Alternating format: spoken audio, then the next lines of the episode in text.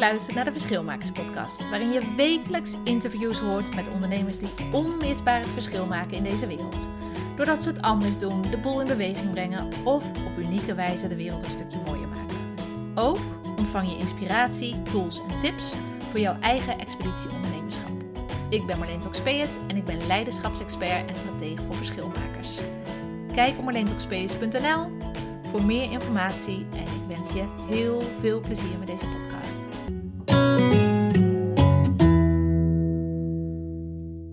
Welkom weer bij de Verschilmakers podcast en ik ben hier vandaag niet live. Ik ben vandaag, nou ja, wel live met Yvonne Gerner, uh, maar niet live en als livestream uh, met mijn Verschilmakers podcast. En dat heeft een reden, want Yvonne Gerner, die heb ik al eerder geïnterviewd. Het was aflevering 48, die wil je ongetwijfeld terugluisteren als je dat nog niet gedaan hebt. Een prachtig verhaal van een echte verschilmaker, die, uh, ja, die al heel lang een prachtig project in Mali um, ja, heel lang geleden heeft opgezet en daar ontzettend mooi werk verricht. En destijds um, zijn onze wegen zich meer met elkaar gaan verstrengelen. Mhm. en um, ja, ik zit ook in een denktank nu van, uh, van Yvonne om te kijken hoe we haar project en haar boek, wat eraan zit te komen, uh, om dat zo mooi mogelijk in het licht te zetten. En uh, toen had ik Yvonne aangeboden. Ik zo, Yvonne, ik wil eigenlijk nog met jou de diepte in over ons mooie gesprek. Want we hebben wel dingen aangeraakt, uh, maar ook weer moeten loslaten vanwege de tijd de laatste keer. Dus ik ben heel blij dat ik hier, uh, hier ben, bij jou in je woonkamer. En je staat op het punt om naar Mali te gaan, Yvonne. Ja. ja. Hoe, hoe is dat? Ja, dat is niet eenvoudig. Dat doe ik dus al, al 14 jaar elk jaar. En in de eerste negen jaar was ik dan negen maanden daar. En door de omstandigheden in Mali, uh, wat in een, een, prachtig land is, wat in een uh, heel ingewikkeld intern en extern conflict terecht is gekomen. En ook nu wel genoemd wordt als het meest gevaarlijke land van, uh, van de wereld. En ik denk dat dat wel waar is. Um, ja, werd het, mijn mogelijkheid om op het project zelf te wonen steeds kleiner. En uh, reduceerde dat naar drie maanden, zo oktober, november, januari. En begin februari ging ik dan weer terug. Dat had te maken met dat dan het, uh, het graan geoogst was en het uh, zicht op het, het, de plaats waar mijn project is weer duidelijker werd en dat voor mij gevaarlijk was. Ik was nog maar, ik, ik ben de enige blanke in de verre omgeving. En uh, dat valt op uh, met je witte huid. Ik, uh, ik, ik, praat altijd met hun lachend daarover dat overdag kan je me goed zien, maar s'nachts ook. En in het donker. ja. En dat is het nadeel van een witte huid. dus um, ja, dat, dit wordt gewoon te gevaarlijk voor me daar. En het, het, ik moet bovendien over de weg, 600 kilometer daar naartoe. En die weg wordt steeds slechter door de oorlog. En steeds minder bewaakt. Dus het, het, ik voel het af en toe als de middeleeuwen, waar je als je met een koets onderweg ging, onderweg zeker overvallen werd. En uh, zo is de situatie daar nu ook. Dus het is altijd spannend en het wordt steeds spannender en het wordt steeds ingewikkelder.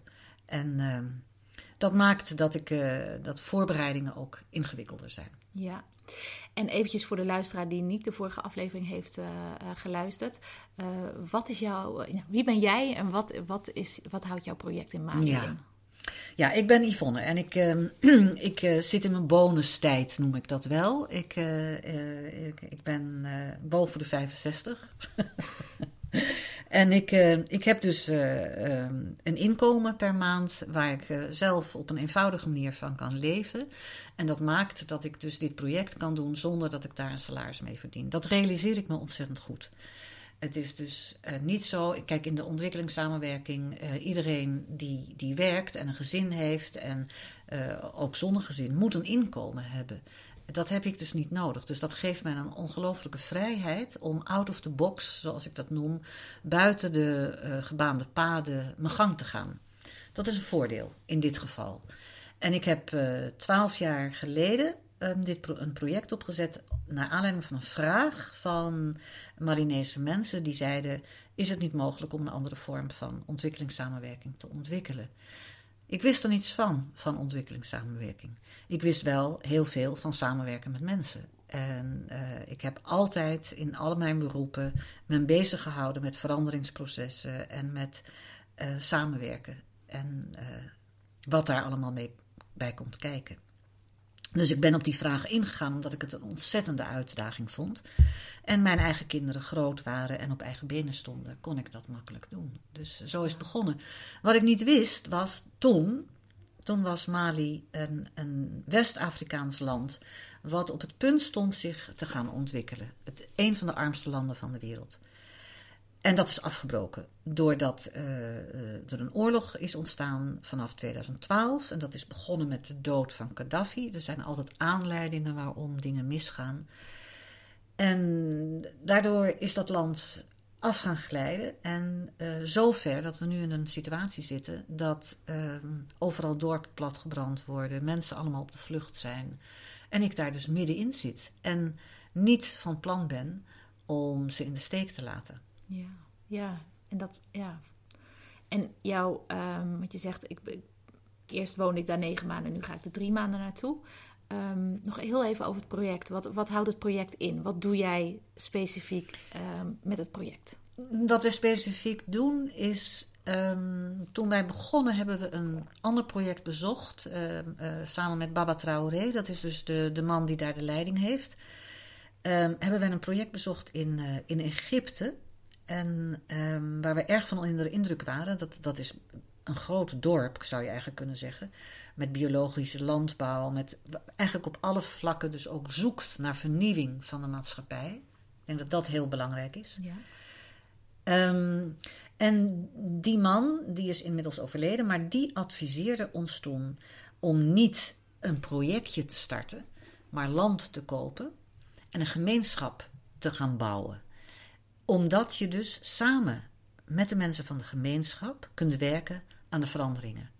Want voor, om armoede op te lossen, helpt het niet alleen om te zorgen dat ze economisch vooruit kunnen.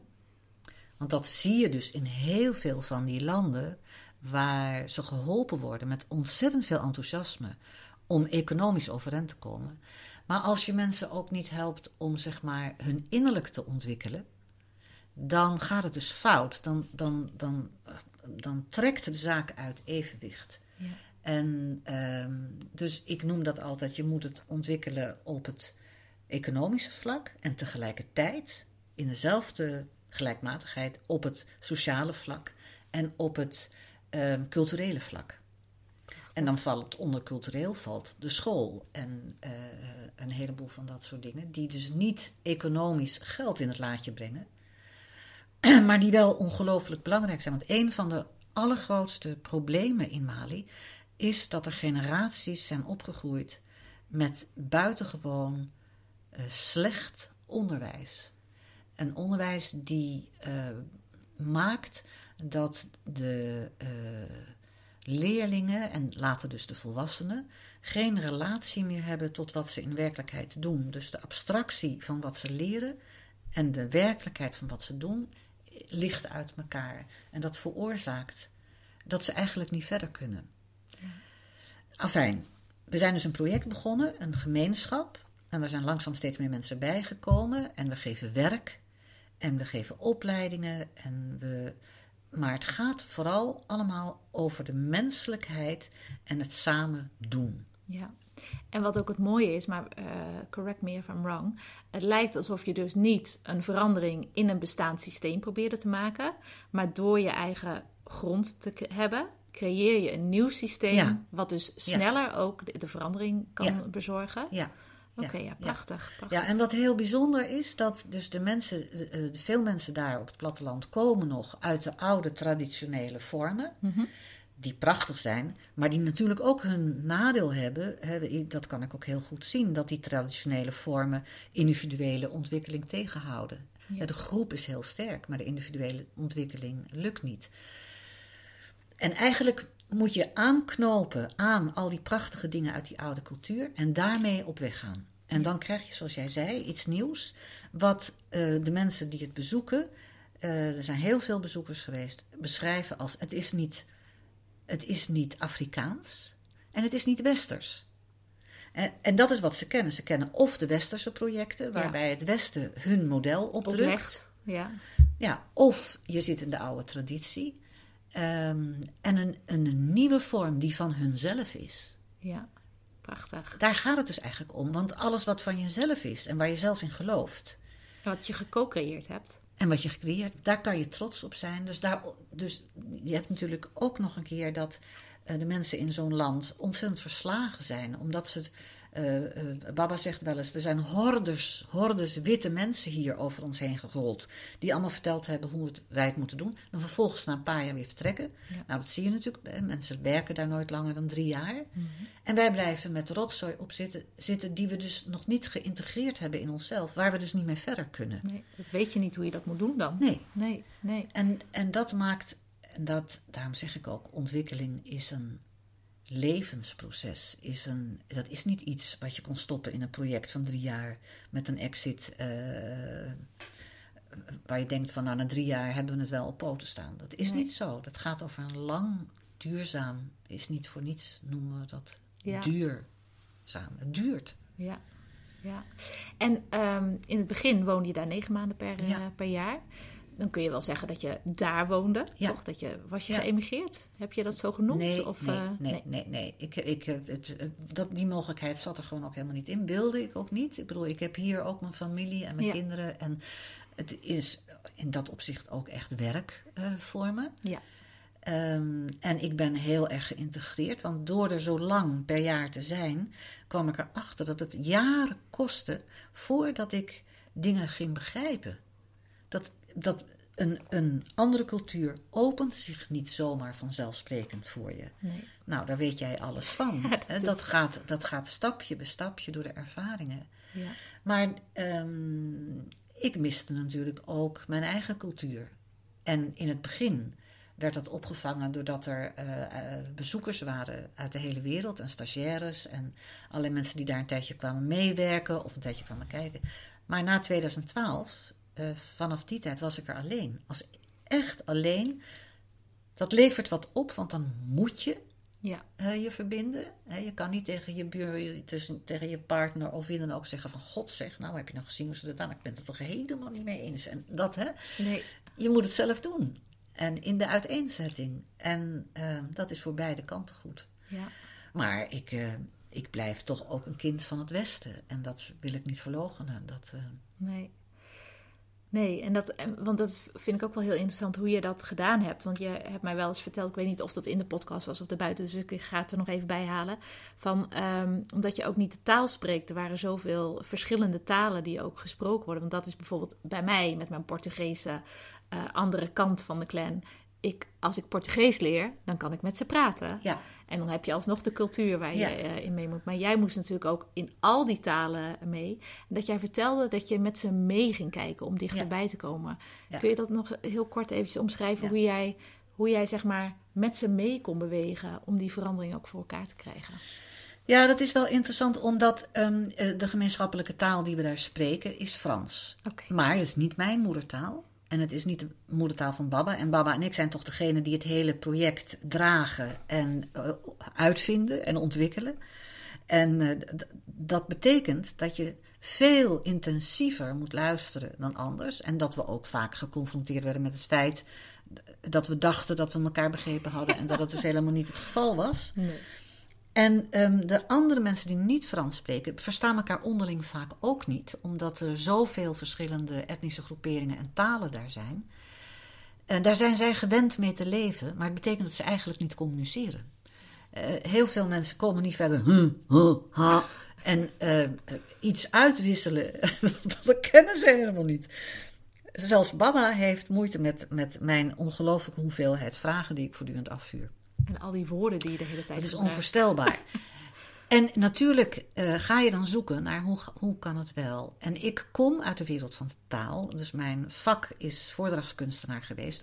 Eén van mijn vakken, laat ik het zo zeggen. Ik heb me heel veel met taal bezig gehouden. En ehm, ik weet niet of je dat eh, met je eigen kinderen merkt. Als je met je kinderen naar een land gaat waar een andere taal gesproken wordt, hebben zij daar veel minder moeite mee Absoluut. dan, dan wij.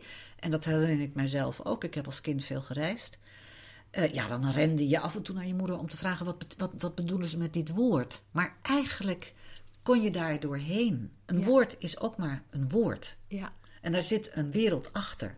En als je nog open staat voor die wereld daarachter, en die wereld daarachter gaat over beelden en niet over begrippen, ja, dan kun je communiceren. En eh, dat is een van de dingen, dat is mijn hobby zou je kunnen zeggen, of mijn, dus waar ik ontzettend in geïnteresseerd ben. Dus ik communiceer in beelden ja, fantastisch. en ehm, da- daar kom ik op het gebied dat zij mij 100% zijn gaan vertrouwen en als een van hun zijn gaan ervaren. Maar het heeft natuurlijk ook ongelooflijk geknald heel vaak. En we zijn aan elkaar gewaagd geraakt. En in het begin waren ze daar heel bang voor als ik uit mijn slof schoot. Eh, omdat ik dan eh, ja, gewoon iets niet begreep. Of omdat ik het er zo niet mee eens was eh, en het niet wilde. Maar ja, we hebben onze eigen communicatievorm gevonden. En steeds meer mensen die nieuw op Herenboel komen. Het is ook een soort doorgangsproject van mensen die daar tijd meelopen en dan weer verder gaan. Ehm, ja, het, het wordt gewoon een eigen. een- Het krijgt een eigen identiteit. Dus de jongere mensen die er nu in komen, die kunnen dat sneller Ja. dan de mensen waarmee ik het ontwikkeld heb. Ja, Laat ik het zo zeggen. ja, zeker. En mooi wat je zegt over die beelden, want mijn zwager is, eh, eh, die praat niet. Die kan wel geluiden horen, maar die maakt er geen, eh, geen woorden van. In het Portugees ook nog eens. Mijn kinderen kunnen fantastisch met hem praten. Ja, en ik ook, als ik gewoon mijn, mijn kindknop aanzet, Ja. dan kan ik het beste, het beste met hem praten. Omdat Ja. ik dan gewoon ook in beelden praat en alles uitbeeld. En dan, dan kom je een heel eind. Ik noem het gewoon de taal van het hart. Ja, En de taal van het hoofd, het, het, eh, het intellect, zit ons vaak heel vaak dwars. En we denken dat we daar alles mee kunnen begrijpen. Maar ik heb het laatst ergens in een workshop die ik gegeven heb, eh, mensen uitgelegd. Eh, het woord begrijpen betekent dat je iets in je hand kan pakken. We zeggen niet behoefte. ah, wauw. Ja, dat is een mooie. En we zeggen niet, we kun, je kunt het namelijk niet pakken met je hoofd. Nee, Je kunt het alleen maar pakken met je hand. En je hand zit het dichtst bij het hart. Als je iets begrijpt, dan begrijp je het met je hart. En uiteindelijk gaat het dan naar je hoofd, waar de essentie eruit gehaald kan worden. ja, En je leeft met die essenties, begrippen. ja, Maar als het begrip niet eerst begrepen is, dan krijg je dus een scheiding tussen hoofd en hart. ja. En dat is wat ook de scholen in Nederland te veel doen. Waardoor in het bedrijfsleven mensen zeggen: we hebben niks aan die mensen, want ze eh, snappen het in hun hoofd wel, maar in hun handen, in hun doen, komt het niet terecht. Nee. En dat zie je in uitvergrote variant ook weer in, in wat er in Mali aan de Ja. hand was. Dat mensen dus opgeleid worden. Ja. En dan eigenlijk te abstract is waarvoor Ja. ze opgeleid zijn, zodat ze er helemaal niks mee kunnen. Nee, dus daar is het zo extreem dat eh, kinderen die eh, acht jaar, negen jaar in een klas, weliswaar van honderd kinderen, gezeten hebben, ehm, dus wel de letters kunnen lezen, maar niet het woord Ja, ja, snappen. ja, Of begrijp, begrijpen. ja, En eh, wel weten wat het getal, dus dat het getal 3 3 is. Maar als er drie voorwerpen zijn, dus die relatie niet, niet leggen. Dus het wordt dan een abstract iets wat geen relatie meer heeft tot de werkelijkheid. Dan ben je verloren. ja. En het is ook wel mooi dat jij die twee brillen hebt. De bril van Mali en de bril van hier. Want hier in het onderwijs zal, zal het je misschien niet zo snel opvallen. Omdat we denken, oh, wij zijn toch een westers land en het gaat toch goed en dit en dat. Ehm, maar wat je daar dus heel erg uitvergroot ziet, kun je hier Ja. eh, beter uitleggen Ja. door wat je, wat je daar ervaart. Ja, en dan, dan kom je bij een onderwerp waar we het er net ook over hadden. Als je vraagt wat, wat ik ben eigenlijk aan het ontwikkelen en aan het doen. Daar ben ik zelf een onderdeel van. Absoluut. Ik, ik, ik, wat ik allemaal geleerd heb en nog steeds leer is zo groot. Eh, en daar ben ik heel dankbaar voor. Maar wat ik, wat, ik, zeg maar wat ik leer is dat wij, die mensen in Mali en ik, elkaar van heel ver naderen. En dat dat eh, een, een duurzame, langzame ontwikkelingsweg is, waarbij je de ander zo intensief luistert dat je de ander gaat begrijpen. En iedereen, niemand laat zijn geheimen zomaar eh, Nee. open. Maar dus ook luisteren om te begrijpen en niet om je eigen... en om mee te kijken. Ja. Maar tegelijkertijd jezelf ook gespiegeld te zien in de ander. Dus ik heb heel erg moeten ontdekken dat ik een ongelooflijke arrogantie heb. Terwijl ik dacht dat ik een heel begrijpend, uh, meelevend mens was. Maar Baba is een, is een ongelooflijke kei om me daarmee te confronteren. En ik ben me op een bepaald moment ook ontzettend gaan schamen daarvoor, voor mijn westerse kijk. Uh, uh, en heb moeten leren om met mildheid daarin ook naar mezelf te kijken. Want ik moet tenslotte ook mezelf blijven. Je moet alle twee jezelf blijven. En tegelijkertijd, ja, ik zie het als een soort in elkaar schuiven van die grote verschillen. Waardoor aan beide kanten het leven een heel stuk rijker wordt. En omdat het zo'n extreme verschillen is, zijn, wordt het makkelijker duidelijk. Ja. En hier is dat veel minder zichtbaar. Ja. En wel voelbaar op dit moment natuurlijk. Ja. In hoeverre we wel niet uit elkaar zijn, wat jij net vertelde.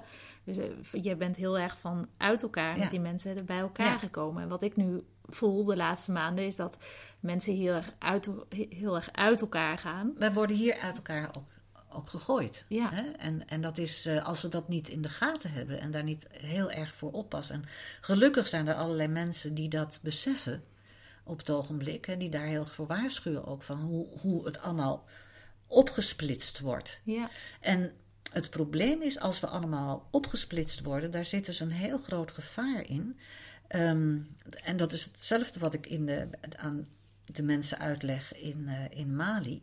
Als je een vijand hebt, of een jager. Als een jager gaat jagen Hmm. en hij wil een dier doodmaken, dan verdeelt hij. Dus hij zorgt dat de, dat de kudde uit elkaar valt. ja, En dan kan hij de enkeling pakken. ja, Ehm, dat is een, een techniek. En je ziet dat waar mensen uit elkaar gedreven worden, en in Mali proberen ze dat door de mannen en de vrouwen, door de, de islam en de christenen, door de, eh, de boeren en de, dus de landbouwers en de veetelers, die, die samenwerkten. Natuurlijk hebben ze problemen, want ze hebben tegengestelde belangen. Maar nu worden ze uit elkaar gegooid en gaan ze elkaar doodschieten.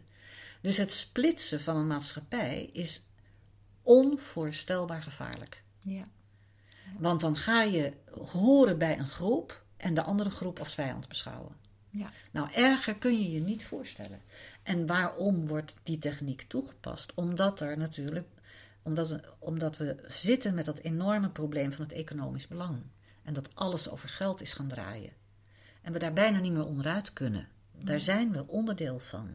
En daar worden we in gesplitst. ja, En daar moet echt een van binnenuit, en dat is wat, wij, wat ik in Mali met de mensen daar ook doe, daar moeten we van binnenuit nieuwe wegen vinden en onze eigen nieuwe keuzes maken. Ja. En de keuzes op, om te beginnen bewust maken dat er een keuze is. ja. En ook daarin denk ik de, de grote uitdaging is, in wat de situatie ook is, hoe kun je weer die handen in elkaar Ja, krijgen en elkaar weer vinden en de, Ja. de warmte weer bij elkaar zien, Ja. voelen, vinden, verbinden, met elkaar naar elkaar luisteren, voor het begrijpen in plaats van het luisteren om je oordeel te bevestigen. ja, Dus dat is eigenlijk alles wat jij daar gedaan hebt al en opgebouwd hebt de laatste jaren. Dat, eh, dat zouden we hier ook. eh, Ja, en, en weet je, als ik daar ben, dan eh, leef ik op het platteland en ik heb een heel primitief huis en ik ben bezig met de kinderen en met de volwassenen. Als ik hier ben, betrap ik me erop, zeker de laatste maanden, dat ik in toenemende mate in het digitale systeem zit om mijn dingen voor elkaar te krijgen. En wat er met me gebeurt, hè, dat zal iedereen merken ehm, in de afgelopen maanden. Bijna alles wat je doet, moet je lijsten voor invullen met ja, nee, ja, nee. En er is geen nuance meer. En wat dat doet met mij, is dat ik verhard. ja, En dat, ik, dat, het, dat het leven uit me getrokken wordt. Zo voel ik het. ja, En als het leven uit me getrokken wordt, dan eh, gaat de warmte weg. En ook de warmte voor de ander. Dan word ik verhard. Dat is niet alleen eh, slecht voor mijn gezondheid en gevaarlijk voor mijn gezondheid. En daar krijg je ook allerlei verhardende ziektes eh, die dan eh, ruim baan krijgen. Maar het is, het is verschrikkelijk. Dat is, is weer dat splitsen. Ja. We blijven niet meer heel. nee, nee, En dus het gaat niet alleen maar over geld. Het gaat over het geheel. Het gaat niet alleen over je fysieke lichaam. Het gaat ook over je zielenlichaam wat gevoed moet worden. Nou, dat ja, dat is waar ik mee bezig ben. Prachtig. En dat doe je daar heel duidelijk. Ehm, nu weet ik uit betrouwbare bron dat jij een boek aan het schrijven bent. Ja. nee, Sinterklaas al. ja, je bent een boek aan het schrijven. Zie jij ook voor jezelf uh, en met je boek, en vertel me als het niet zo is, zie jij daarin ook een rol in waar we het net over hebben, de ontwikkeling? Zie je daar ook in een rol voor jezelf hier in Nederland? Met je boek, ja, met dat, wat je aan het doen ja, bent. dat ben ik dus gaan zien. Um, in het begin was ik natuurlijk echt op, Mali en, en op Herebou heet het project, uh, Plaats van Vrede, het dorp. Um, ik was natuurlijk eerst helemaal daarop gericht. En langzaam ben ik gaan ontdekken, samen met Baba overigens, en dat, Baba is gewoon, uh, Baba Traoré, die is gewoon een heel bijzonder, uh, heeft gewoon een hele bijzondere open mind. En veel groter dan ik had verwacht.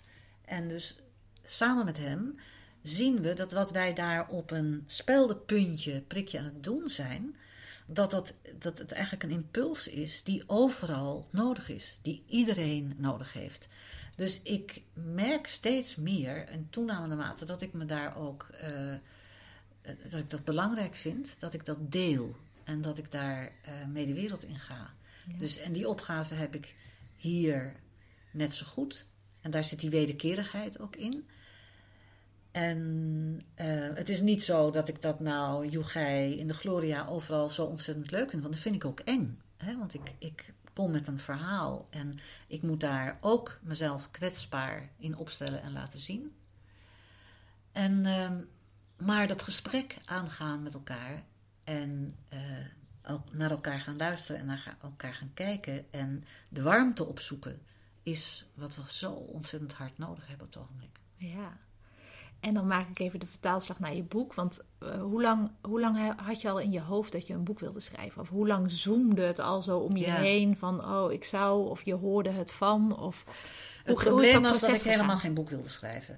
Ik schreef blogs en die werden eh, aardig gelezen. En eh blijk ik dus best redelijk eh, leuk te kunnen. Ehm, maar al die tijd riepen mensen tegen me: Wanneer komt je boek? Nou, jij moet een boek schrijven. Nee, fantastisch. Jij, jij moet een boek schrijven. Maar dat zijn allemaal mensen die mij kennen, die dat zeggen. Ja, die kennen, het, die kennen jouw hele verhaal. Die kennen mijn Het verhaal. verhaal Yvonne. Doordat ze voortdurend mijn blogs hebben gevonden of doordat ik lezingen heb gehouden. Die mensen die vinden het fantastisch om dat allemaal te lezen en die willen gewoon een boek. Dus mijn grote vraag is natuurlijk, eh, als je mij niet kent en niet mijn verhalen kent, is dat boek dan ook zo leuk? En ik word in het schrijven ontzettend met mezelf geconfronteerd. Ehm, en ik vind het gewoon eh, helemaal niet zo. Want ik vind een blog schrijven veel makkelijker Lekker kort. dan een boek. Ja. Maar ik ben, het, ik ben er wel aangestaan, omdat ik dus, ehm, omdat ik me besef dat eh, eh, iets wat ik daar geleerd heb, en eh, het is, we zijn wordende mensen, dus je bent nooit klaar met leren, en ik blijf ook leren. Maar, ehm, dus dat, dat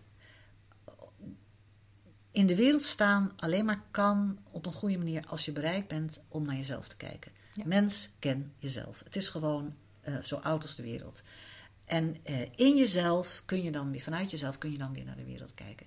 En dat wil ik gewoon laten zien. En daar zit ook een heleboel humor in. Want eh, ik kan om niemand zo hard lachen als om mezelf. En zeker in mijn ontmoeting met de mensen in Mali. Overigens, in de extreme armoede, midden in de oorlog, lag ik daar meer dan hier. Ja. Ook een reden voor mij om het heerlijk te vinden om daar te zijn. De, de omstandigheden waarin die mensen zitten, tegelijkertijd met de hartekrachten die ze voor elkaar hebben, ja, daar krijg ik altijd tranen van in mijn ogen. Maar terug naar mijn boek.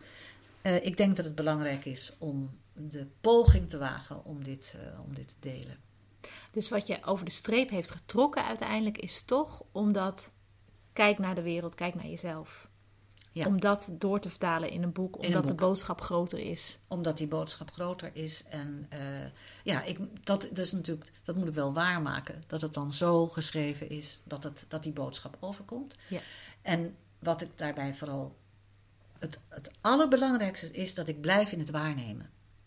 Want ik kan wat dingen waarnemen die niemand hier kan waarnemen, omdat ik daar in Mali zit. Ja, en eh, eh, wat ik waarneem, heb ik waargenomen. Dat is altijd natuurlijk.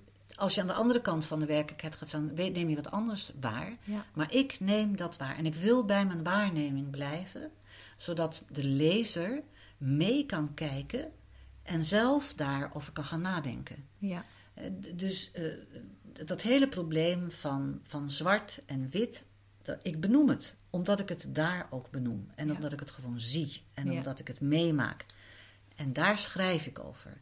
En eh, ja, daar zitten schokkende dingen in, zoals het leven mij daar enorm geschokt heeft. Ja. Omdat ik dingen zie die ik hier op de televisie, eh, het omgekeerde daarvan waarneem wat er over gezegd wordt. En dat zie je tussen als ik het nieuws in Portugal kijk en ik heb een week daarvoor nog het Ja. nieuws in Nederland ge- Ja. gezien, daar zie je het verschil al. Ja. En dat is denk ik ook wat je bedoelt met de waarheid is, heeft zoveel kleuren. En de waarheid, eh, als je het gaat over de feiten, ehm, ja, worden ze alsnog anders waargenomen. Ehm, dat, dat voor de waarneming. Maar wat jij dus wilt laten zien, is dat je ze meeneemt in jouw waarneming ook. En hoe het in Mali is. En in jouw persoonlijke ontwikkeling daar, ook, eh, daar ook En dat zijn waarnemingen die ik soms zelf ook wel zou willen dat ze anders waren. Ja. Maar eh, ik kan niet liegen over mijn waarneming. Nee. En, dus dat kan je lezen. Je, het, mooie van een waarneming is, je kan het er niet mee eens zijn of mee oneens zijn. Ja. Hè, Je kan alleen zeggen, goh, hé, hey, Ja. interessant. ja. Eh, en dat Zo is, kan het ook. Dat is dat met verhalen. Oh, dat is het mooie van verhalen. Ook je kan er van een verhaal niet zeggen eh, dat het waar is of niet waar is. Het is een verhaal. Ja. En, eh, en een verhaal is er om, eh, om je differentiatie te geven. Om je te helpen even vanaf een andere kant naar iets te kijken. Het is niet belangrijk of je het ermee eens bent. Helemaal niet. Nee, geniet van het verhaal. Geniet van het verhaal. Ja. Ja. En ehm, wat schuurt er nu het meeste bij jou, bij dat verhaal? Want ehm, ik, ik weet, eh, of nou, ik, je, je hebt me ook meegenomen in dat het ook wel eh, lastig is om, om het boek te schrijven. Want je, wilde het, je voelt een grote verantwoordelijkheid. Ja. Ehm, wat schuurt er nu het meeste om, zeg maar, van het idee van... oké, ik ga een verhaal schrijven totdat het boek gepubliceerd is. Waar, waar zit je nu? Wat, wat, wat schuurt daarin het meeste in het proces? Is ja, dat- wat schuurt daar het meeste? Ik kan niet goed beoordelen, en dat heb ik eerder al gemerkt. Ehm, eh, levend en kijkend vanuit de situatie eh, waar ik als enige witte, hè, ik, vroeger zei ik blanke, ik ben al overgestapt op witte. Eh, dus ik, van afstand in Afrika hoor, hoor ik dan, ik mag niet meer blanke zeggen. Wat trouwens heel grappig is, want de Fransen die hebben geen ander woord voor wit dan blank. Nee, Dus Ja. daar begint, het, eh, daar begint het, het, het probleem al. En ehm, zoals dus de, de zwarte mensen waar ik dus altijd mee samen ben, zichzelf beleven, eh, dat is heel anders dan zoals het hier is. Dus Ja. da- daar schuurt het. Daar schuurt het. Dus ik, ik gebruik allerlei woorden. Ja, eh, ik hoorde laatst een schrijfster zeggen, die had, in, had een prachtig boek geschreven. En daar had ze het over slaven. En dat moet tegenwoordig zijn tot slaafgemaakte. Dus Ah. tot slaafgemaakte mens. Nou, daar, en daar heb ik geen beoordelingsvermogen. nee. Want daar ben ik te weinig voor. Precies, of je bent daar, of je bent Of hier. ik ben hier. Ja. Hè? En, Ja. en ik weet dat in de maatschappij die discussie soms bizar ver gaat. En ik geloof eigenlijk ook niet zo erg in die discussie, omdat die vanuit het intellect eh, Ja. wordt vormgegeven en niet vanuit het hart. Ja. Want dat is c'est le, c'est le ton qui fait la? Ja. Hoe eh, ik kijk naar mijn eigen verhouding tot zwart. Of ik kijk als ik aan iemand vraag van God, waar, waar eh, zijn jouw roots? Want ik kan aan jou zien hè, dat je dus niet een, een in Nederland ehm, grootouders ja, hebt bij de spreken. nieuwsgierigheid Nou, eh, is ontwaakt. Dat is dan niet meer correct. Nee. Terwijl het mijn belangstelling voor die ander is Ja. die dat vraagt. Ik vind dat leuk. Ja. Eh, ik speel daar ook mee. En ik wil best tegen iemand zeggen van... Goh, vind je het moeilijk als ik je die vraag stel? Ja. Maar ik begrijp eigenlijk niet waarom dat moeilijk eh, zou zijn. Nou goed, Nee. wat schuurt in mijn boek? En ik, dus ik heb nu afgesproken, ik schrijf. Ik schrijf en ik heb eh, een groepje om me heen en jij bent er één van. En die mogen dat dan lezen en die kunnen zeggen: nee, Yvonne, dit, ga, dit, dit gaat. ja. Maar dat gaat dus meer over het correctheid, de fluwelen handschoen. Wat daarin de, de, de, de- het schurende nog is. Het schurende en ik denk natuurlijk ook altijd vanuit het belang van mijn stichting. Ja. Uit het belang van dat ik eh, fondsen moet werven en mensen Ja. enthousiast moet maken om mee te doen. Eh, en dat mag niet als ik een boek schrijf. Ik Nee. heb ook tegen het bestuur van mijn stichting gezegd: dit, dit gaat over mij. Dit is mijn boek. Ja. Ik moet daar vrij zijn. En eh, nou, mijn, ehm, ik heb een van mijn kinderen het laten lezen en die, die riep uit van mam. Hè, dit is nog maar een tiende van wie jij bent. Eh, dus eh, gooi de remmen los. Eh, misschien moet ik wel eerst heel erg hard gaan dansen of iets gaan doen. Om Ja. dus niet zo in het, in het dagelijks leven ben ik, ben ik heel kleurrijk. En dan gaat er in dat boek de felle kleuren van af. Dus dat, dat, dat is, dat is mijn, mijn eigen worsteling. Ja, ja, dus daarin kom je jezelf wel, eh Daar wel kom ik mezelf wel tegen. Ja, en je hebt nu bijvoorbeeld een, een denktank om je heen ge- gecreëerd.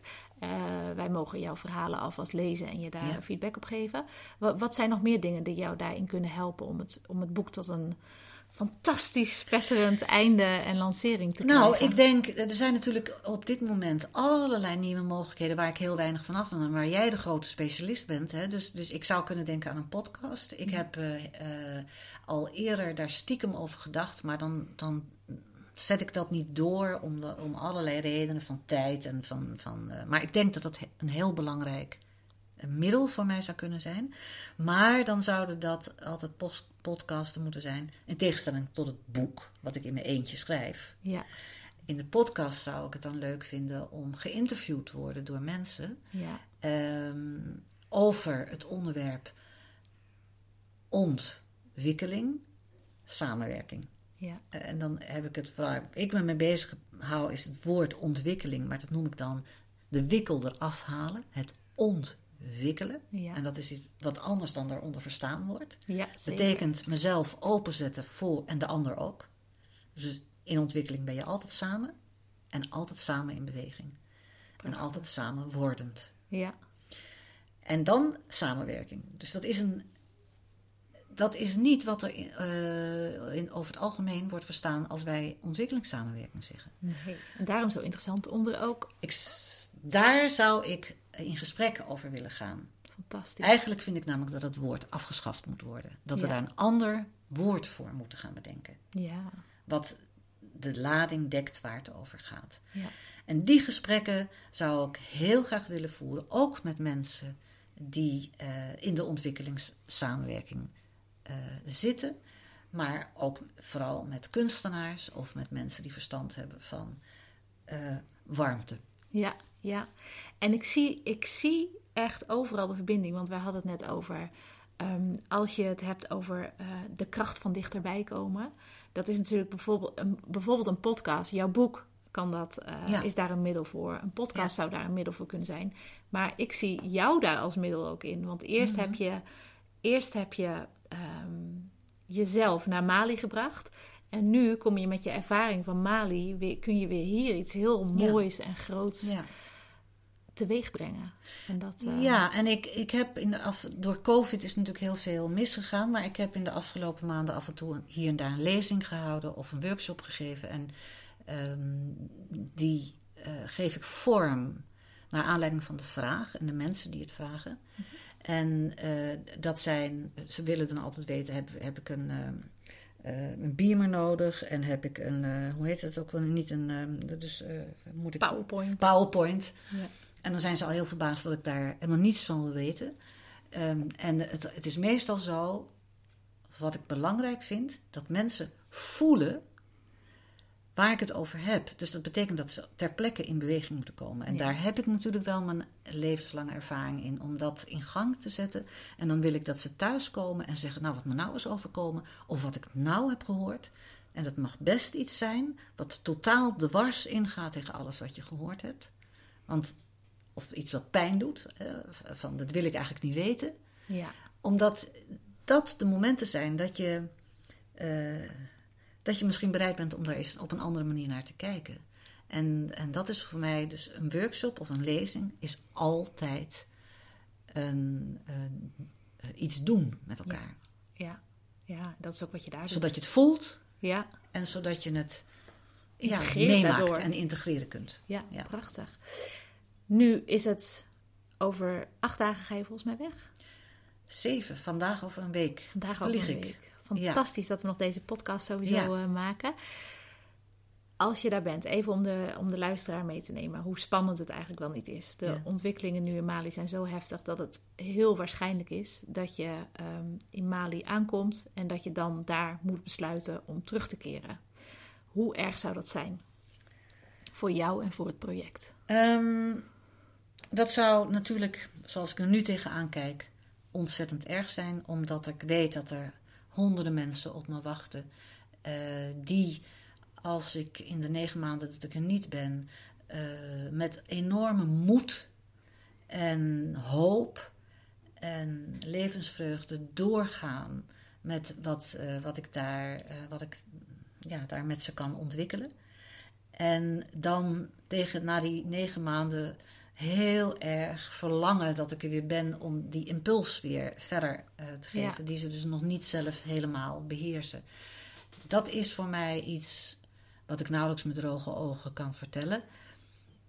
Tegelijkertijd heb ik geleerd in mijn leven dat eh, je als mens ehm, onderdeel bent van het grote geheel. Het heeft helemaal geen zin om me daarop vast te bijten. Ik zal. mm, En soms openen dingen die slecht lijken weer andere deuren. Eh, en zoals dat is voor mij ook de ontmoeting met jou, zoals je het over podcasten hebt, of, of zoals jullie me steunen in mijn boek. En kan ik, ehm, moet ik daar ook naar luisteren? Dus ik probeer dat ehm, als gegeven te accepteren dat het leven me brengt waar ik zijn moet. Wauw. Ja. Prachtig. Ik zou hier een punt achter zetten. Ja.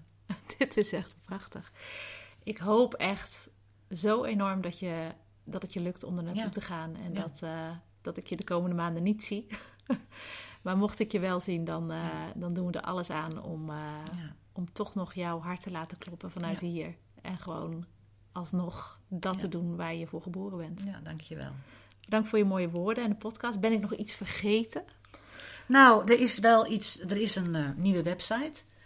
Ehm www.rondombaba.nl ehm, Waar ik erg blij mee ben, omdat daar heel veel foto's en filmpjes op staan. Dus Ja. weinig tekst, Ja. maar veel te zien. En dat heb je toch nodig om een indruk te krijgen. En ik zit op Instagram met rondombaba underscore nu. Waar ook foto's en filmpjes eh, te zien zijn. Dus dat zijn mijn communicatiekanalen op dit moment. Ja, en misschien nog leuk om te, in het kader van december, in het kader van verbinden. Eh, volgens mij heb jij ieder- in iedere december ook een reisactie, of niet? oh, Hoe dat zit ik dat? helemaal vergeten Nee, te precies. zeggen. Ik dacht, ja, gewoon nee, zie we zijn er zo... Nee, dus wij- ik heb natuurlijk onze vaste donateurs en we hebben ook onze... eh, De, de fondsen, de particuliere fondsen, want ik werk helemaal eh, in de particuliere sector, die ons steunen om de projecten waar te maken. Maar er is één project en dat is het Rijst en Gierst project, wat elke maand december in de afgelopen zes jaar al plaatsvindt. En dat is dat mensen ons geld geven voor een zak rijst. 40 euro uit mijn hoofd en eh 70 euro voor een zak. Nee, een zak rijst is 70 euro. Een zak gierst van 100 kilo, dat is heel veel. Eh, een zak gierst is 40 kilo. En ehm, daar halen we zoveel mogelijk geld op in zo kort mogelijke tijd. En samen met de mensen van het project. We kijken elke dag op de bank. Ik leer ze, daaraan leren ze schrijven, omdat ze dus dan eh, dat echt willen eh, snappen en zien. Gaan boekhouden. Eh, gaan boekhouden en eh, dat geld verdeelt Baba dan over kleine handelaren, die dus anders niet aan de bak komen met de grote eh rijstacties. Ehm, en dus bij kleine boeren die een eerlijke prijs geven voor de rijst, lokale rijst en de gierst. En die wordt bij ons opgeslagen. En ook de groep van Heren Boegoe bepaalt dan welke families op welk moment het het hardst nodig hebben. En dan zeer eh, ongezien, eh, bijna als Sinterklaas, brengen ze dat, dat dan daar. En ehm, dat, dat is een prachtige actie die niet alleen een heleboel mensen de moeilijke tijden doorhelpt en hun kinderen, maar ook Heren beschermt omdat er natuurlijk een, een uh, groep mensen omheen komt die zien dat we dus werkelijk voor hun daar zijn, zonder voorwaarden. En dat, uh, dat is dus een hele mooie actie. En die verschijnt ook op de Baba-blog. Uh, dat is dus de, de blog die te vinden is op de website. Ja, precies. Dus daar kunnen mensen En dat in be- december alles Hij vinden gaat van over. start op 6, eh 6 december. Prachtig. Ja. Prachtig. Nou, oproep aan allen. Ga Ja. naar de website. Ja. Kijk naar de reis. de Dank je. Ja. En wat ik het mooie vind aan die actie is dat het dus niet alleen maar ehm, gaat over eten. Ehm, nou, en ik met mijn westerse arrogantie, hè, hoezo alleen maar over eten. Eten is Ja. primair, dat is echt Ja. het allerbelangrijkste. Maar dat het ook nog zoveel meer heeft, want het brengt nog meer de mensen Ja. samen. En het gaat ook over lezen, boekhouden. Het gaat over zoveel meer Het dan gaat alleen over een dat ene. dingen. Ja. Prachtig. Ja. Nou, als dat geen eh, decembergedachte is. Hele goede reis. Ja, en eh, en ehm, ja, tot de volgende podcast. Ja. Ja. Ongetwijfeld. Of het nou voor jou is of voor mij. Ja, Maakt me we niet zullen uit. het gaan zien. Dank je wel, Marleen. Goede reis.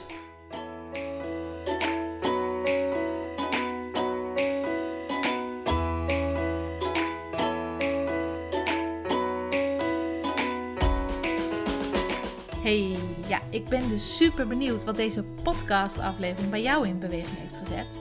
En ik wil je vragen, deel alsjeblieft je inzicht, je vraag of je mening met me. En omdat het zo cool is voor mij, omdat ik dan eindelijk voel wat mijn podcast voor jou betekent als verschilmaker. En anderzijds natuurlijk om ook eh, het gevoel te krijgen waar ik, waarmee ik jou verder kan helpen in een volgende aflevering. Deel het met me via social media. Maak een screenshot terwijl je luistert en schrijf daarop je vraag, je inzicht of je opmerking. En tag mij Marleen Toxopeus daarin. Of mail me via marleen.ondernemerstraining.nl. Is natuurlijk de, de veiligere variant. Ja, en wat mij en mijn missie echt enorm zou helpen is als jij een review achterlaat via Apple App of eh, SoundCloud. En op deze manier help je mij om nog meer ondernemers te inspireren om ook het verschil te maken in hun leven, met hun bedrijf en onderweg naar hun missie. Ik zou het fantastisch vinden als je die moeite voor me wilt nemen. En ik zie jou of ik hoor jou, jij hoort mij in de volgende. Tot de volgende keer. Hoi.